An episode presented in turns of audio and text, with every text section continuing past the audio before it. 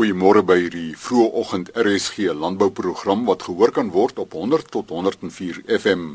Chris Viljoen van Elsenburg wat tot om 5uur inligting het oor die volgende: 'n nuwe hoë opbrengs koringkultivar, 'n oorsig van die wynbedryf seisoen, 'n oop uitnodiging om nuwe vrugtekultivars te besigtig.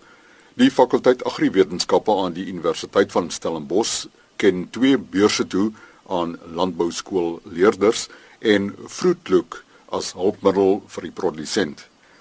Dr. Ian Heinz, navorser graanteeler van LNR Kleingraan Instituut op Stellenbosch, gesels eerstens oor 'n nuwe koringkultivar. Net op die agtergrond oor koring. Nou koring word beskou as een van die belangrikste graangewasse in Suid-Afrika met 'n jaarlikse verbruik van ongeveer 3,2 miljoen ton. Nou 'n totaal van 1,8 miljoen ton word plaaslik geproduseer terwyl daar na verwagting ongeveer 1,9 miljoen ton koring die jaar ingevoer sal moet word om in plaaslike verbruik te voorsien.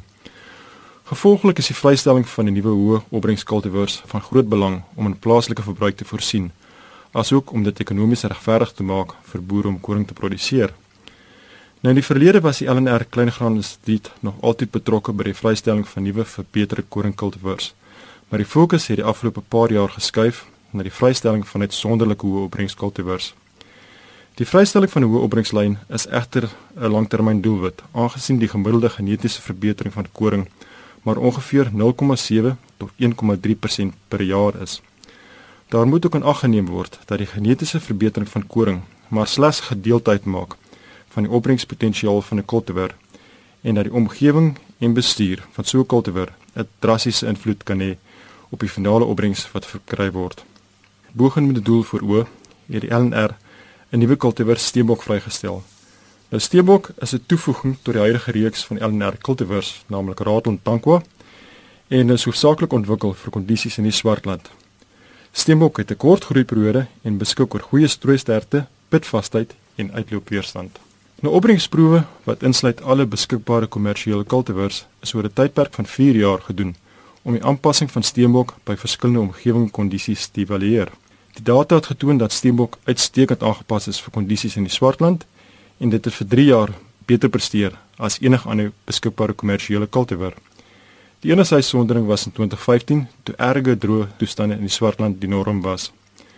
Opbrengsdata vir die runs het ook getoon dat steenbok goed aangepas is vir die area met die beste opbrengspaal in 2013 maar dit kan nie kompeteer met ratel wat spesifiek ontwikkel was vir die area nie. Wat betref steenbok se weerstand teen blaarroes, stamroes en streeproes, beskik oor matige weerstand teen blaar en stamroes, maar is vatbaar vir streeproes. Steenbok is geregistreer in 2016 as 'n cultivar, soos beskryf in die Wet op Planteteelersregte, maar saad sal ongelukkig eers in 2018 beskikbaar wees. Enige navraag kan my gerig word by die volgende kontaknommer 021 809 3554 en my e-posadres is heinz@rc.agric.za. Dr. Ian Heinz, navorser, graanteeler van LNR Kleingraan Instituut en sy telefoonnommer 0218093554. Pier Snyman, Winbrose wingerdboukonsultant vir die Woester omgewing, gee nou 'n oorsig van die wynbedryf. Die naoesperiode was deurgangs goed met toestande wat gunstig was vir reservevorming. Die winterreëns het in Junie en Julie gekom, dis na 'n baie droë jaar en die meeste groot opgaardamme in die Wes-Kaap het mooi gestyg, maar is steeds laer as gemiddeld vir die tyd van die jaar. Die gronde is relatief droog en in die Brede Riviervallei moes produsente nou reeds 'n maand vroeër as laas jaar begin besproei het. Dit is veral die min sneeu wat plaasdamme deurgangs onder druk geplaas het. Die uitpot van die wingerde het deurgangs op die normale tyd plaasgevind. Die effens warmer Augustus het 'n egalige bodpersentasie tot gevolg gehad, maar die kouer September het onegalige loodgroei veroorsaak. Daar word 'n gemiddelde oes vir 2017 verwag. Dit is hoofsaaklik as gevolg van 'n tendens dat die netto hektare onder wyndrywe besig is om af te neem. Met ander woorde, daar word deurgangs meer hektare uitgekap as aangeplant. Op Woensdag 12 Oktober is die Boland swaar getref deur swartryp. Die droë seisoen het baie bygedra tot hierdie ryp. Die suidoos het vir 3 dae baie sterk gewaai en op die betrokke oggend, die Woensdagoggend het dit skielik gaan lê. Dit het tot die ryptoestande aanleiding gegee. Swart ryp verskil van gewone ryp en dit het gelyk asof die wingerde van bo af geryp het. Verder wil dit voorkom asof ryrigting, natgronde en die platmaak van dekgewasse geen effek op die rypatroon gehad het nie. As 'n voorbeeld het die jong aanplantings van 2016 min of geen skade gekry nie en lote op die stam het selfs ook niks oorgekom nie. Voorlopige aanduidings is dat daar ongeveer in die omgewing van 1000 hektaar wingerd in die Woester en Rossenwil area deur die swartry beskadig is. Die skade aan die oes is enorm en beloop etlike duisende tonne. Dit is onder andere cultivars so Chenin Blanc, Colombar, Ruby Cabernet, Pinotage en Pinot Gris wat op groot skaal geryp het. Die aksies in hierdie wingerde hang af van die mate wat die lote geryp het.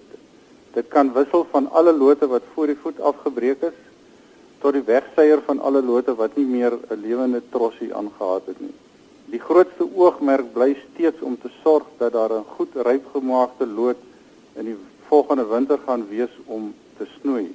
Hierdie swart ryp gaan groot skade en verlies aan tonne en inkomste vir die produsente in 2017 beteken, maar kan selfs 'n effek op die 2018 oes ook hê. Winprose wingerdbou konsultant in Woester, Peer Snyman. LNR Infrotech op Stellenbosch rig 'n oop uitnodiging aan belangstellendes om nuwe vrugtekultivars te besigtig. Chris Smit is hoof van Cultivar Ontwikkeling. Ons het so 'n klompie jare begin deur ons belowende cultivars, veral cultivars wat naby vrystelling is, aan die bedryf se rolspelers bekend te stel op 'n tweeweekse basis. Ons hou dit hier by Infrotech in die Heningbos lokaal. Dit begin so 9:00 in die oggend en nou het so aan tot 3:00 toe. Dis heel informeel. Ons het dan ook aanvanklik was dit net die LNR cultivars Maar toe het ons dit goed gedink om ook ander kultivar eienaars by hierdie geleentheid te betrek en dit het baie goed gewerk. Dit gee vir ons dan ook die geleentheid om ander kultivar eienaars se kultivars in die bedryf te sien waarmee ons basies moet kompeteer as jy dit sou kan noem.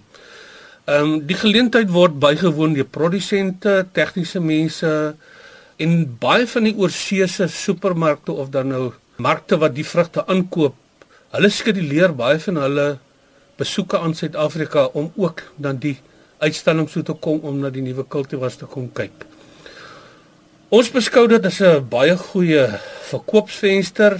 Dit is 'n informele evaluering. Jy kom in op besigtiging, jy ons sal vir jou 'n uh, evaluasiekaart gee om in te vul. Jy sit jou eie opinie daarop en dan As jy daar wegstap en jy wil rekord hê van hoe jy gevoel het oor daai spesifieke kultivar op die dag, dan sal ons vir jou kopie gee van jou van jou evaluasiekaart.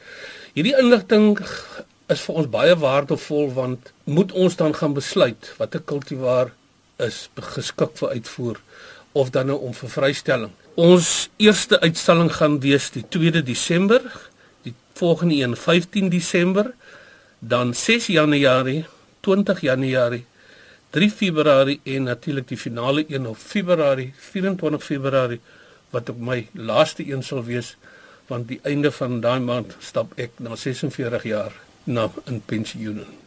Enige een is welkom. Chris Smit is die hoof van vrugtekultivar ontwikkeling by LNR Infotech. Die fakulteit Agriwetenskappe aan die Universiteit van Stellenbosch ken in 2017 twee beurse toe aan hoër landbouskoolleerders die waarnemende dekaan professor Dani Brink. Chris, dis nou 'n geleentheid vir my om uh, belofte gestand te doen. Ehm um, jy sal onthou ons het so 4 maande terug gesels uh, na aanleiding van die landbouonderwysersvereniging se jaarkongres by Oakdale in Riversdal. Ehm um, waar ek opnuut weer besef het van die ongelooflike onwatsigtige en kwaliteit werk wat landbouskole en personeel doen met betrekking tot landbouonderrig. Maar ek het ook al weggery en besef ons universiteit het bietjie weggedryf van ons landbou skole en nie tred gehou met die gehalte onderrig en waar landbouopleiding eintlik uh, op universiteitsvlak 'n voortsetting is van landbouonderrig op skoolvlak nie. En toe ons bestek opneem te sien ons maar baie min van ons landbou skole se leerders tree eintlik toe tot landbou studies op universiteitsvlak. Ook wat dit weer opnuut bevestig het toe Media 24 weer so 'n maand gelede die wiskunde skole indeks uh, gepubliseer het. Toe ons sien maar ons twee landbou skole Oakdale en Boland Landbou lê in die top persentiele van wiskunde uh, indeks het ons weer net besef maar jy weet ons moet uh, baie nouer verbintenis met die skole op die been bring. En ons het uh, gekyk na 'n beurskema waar die fakulteit agriwetenskappe vir die topleerder van die twee landbouskole Boland en Oakdale wat gekies het om landbouwetenskappe te kom studeer aan die Universiteit Stellenbosch omvattende beurs te gee vir studiegelde vir die 4 jaar van studies en ehm um, die skole het self vir ons gehelp met die aanwys van die leerders en ek kan nou oor die lig ook aankondig dit is reeds op by die skole gedoen by die jaarlikse prysuitdelings dat by Boland Landbou het die studiebeurs gegaan aan Matthys Bason. Ehm um, hy gaan ehm um, in BSc Agriek in plant en grondwetenskappe kom studeer met grondkunde en agronomie as as hoofvakke. Nog meer interessant ehm um, by Oakdale is dit ook 'n Bason, maar Nicolaas Bason aan wie die beurs by Oakdale uh, landbou gegaan het is. Hulle is nou die eerste ontvangers van daai beurse. Om jou idee te gee as die beurskema in volle vloei is, is dit 600 000 rand per jaar wat die fakulteit moet mobiliseer om daai wat dan ag seuns gaan wees wat in die 4 jaar studieprogram is, jy weet te ondersteun. Ehm um, maar ek dink dit is 'n absolute uh, noodsaaklikheid op hierdie stadium vir die universiteite om daardie verbintenis met ons landbouskole aan te gaan, maar ook om vir ons skooliere en ons ouers wat moet besluite maak oor hulle kinders se opleiding te sê dat hierdie skole gee akademiese onderrig van uitstaande gehalte. En daar moet uh, geen sinse huiwering wees by ouers wat voel wie se kinders uh, vroeë loopbaankeuse wil maak ten gunste van landbou om ons landbouskole te ondersteun en hulle kinders aan hulle toe te vertrou en ons sal seker maak dat die wat die potensiaal het vir verdere leer dat die geleenthede by hulle bestaan en dat daar toegang is en ondersteuning is om hulle volle potensiaal te ontwikkel binne die landbousektor en die landbouwetenskappe as 'n beroep. Professor Dani Brink, waarnemende dekaan van die fakulteit Agriwetenskappe aan die Universiteit van Stellenbosch. Fruitlook is 'n hulpmiddel vir die produsent in besonder in droogtetye. Andrei Roo, direkteur volhoubare hulpbron bestuur. Die ondergemiddelde reënval wat ons die afgelope winter in die groot dele van die Weskaap ondervind het, het daartoe gelei dat waterbeperkings van tussen 20 en 43% tans reeds in sekere rivierstelsels van toepassing is. Terwyl die aanplant van kontant of seisonale gewasse aangepas kan word te opsigte van die waterbeperkings, is daar spesifieke uitdagings te opsigte van die besproeiing van permanente gewasse in die huidige besproeiingsseisoen. Die departement landbou Weskaap bied 'n diens aan besproeiers om hulle te help om in die beperkte waterbronne steeds 'n aanvaarbare produksie van permanente gewasse te kan handhaaf. Die Vroetkoek projek is reeds vanaf 1 Oktober weer aan die gang waar die besproeiers weekliks inligting ten opsigte van die werklike watergebruik van hulle boorde of wingerde gedurende die afgelope week kan bekom wat as riglyn gebruik kan word vir die bepaling van die besproeiing wat in die huidige week voorsien moet word. Om die inligting te bekom moet daar ingegaan word op die webblad www.fruitlook.co.za en die blokke of die boorde waarvoor inligting verlang word moet gemerk word op 'n kaart wat alle bewerkte areas aantoon. Inligting word ook weekliks voorsien te opsig van die ET tekort wat in die vorige week voorgekom het indien wel asook die biomassa wat geproduseer is in die vorige week. Ten einde die diens aan ons produsente te verbeter, is die area wat gedek word deur die vroedkloek projek hierdie seisoen uitgebrei om die Samveld aardappelproduserende area in te sluit en ook na die ooste uitgebrei om alle gewasse tot en met Montetjie Bonnievale in te sluit. Produsente word aangeraai om op die webblad www.vroedkloek.co.za te, te besoek ten einde toegang tot die gratis inligting te bekom om hulle te help om hulle uitdagings te bowe te kom te opsigte van die beperkte waterbronne hierdie seisoen. Direkteur volhoubare landbou hulpbron bestuur in die departement landbou in die Wes-Kaap, Andrei Roo. Ons het pas verneem van Vroetlook, nou nog 'n voorbeeld is die Cape Farm Mapper. In RSG landbou môreoggend om 4:15 wat word bedoel met die landbouwaardeketting Namens Elsenburg groete van Chris Viljoen.